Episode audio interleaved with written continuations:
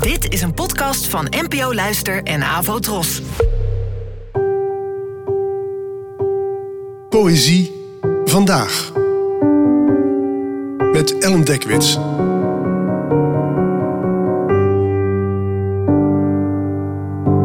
Hallo, fijn dat je luistert. Het gedicht van vandaag heet Kleren maken de man en werd geschreven door de Canadese dichter David C. Ward, geboren in 1952. Het werd vertaald door mij. Kleren maken de man.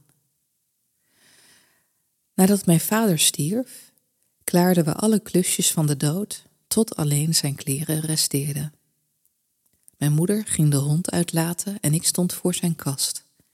Ging door een leven aan stof. Van brave vanilletinten uit de jaren 50, uit de mode geraakt kaki, academische corduroy, een stijgende lijn van een carrière, gewichtigheid uitgetekend in pakken en stroptassen van verfijndere teksten, subtielere kleuren. We begroeven hem in het allerbeste. En terwijl de stof rimpelde, op maat gemaakte golven onder mijn alledaagse handen, ontstond een glimp van hebzucht. We hadden, dat dacht ik tenminste, dezelfde maat. Waarom zou je dit soort dingen verspillen? Ik hield bewonderend krijtstreep tegen mijn borst.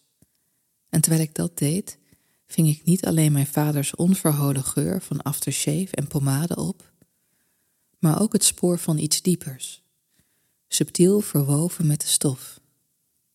Ik hield het jasje tegen mijn gezicht om een duik te nemen in de plotselinge kruiddampend stank van zijn gehele carrière.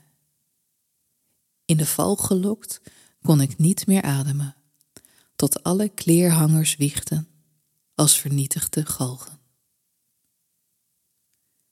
Hier wordt een uh, miniatuur geschetst van een zoon in de rouw. Hij gaat door de kleren van zijn vader en overweegt opeens dan om enkele stukken voor zichzelf te houden, tot hij door die geur wordt herinnerd aan waar die kleren ook voor staan. De carrière van zijn vader, die niet zonder moeite zal zijn geweest, getuige het feit dat ze stinkt naar kruiddamp. En het suggereert een benauwend levenspad, want de verteller kan even zelfs niet meer ademen. Ten slotte blijven de hangers achter als kapotte galgen. De kleding wordt weggedaan.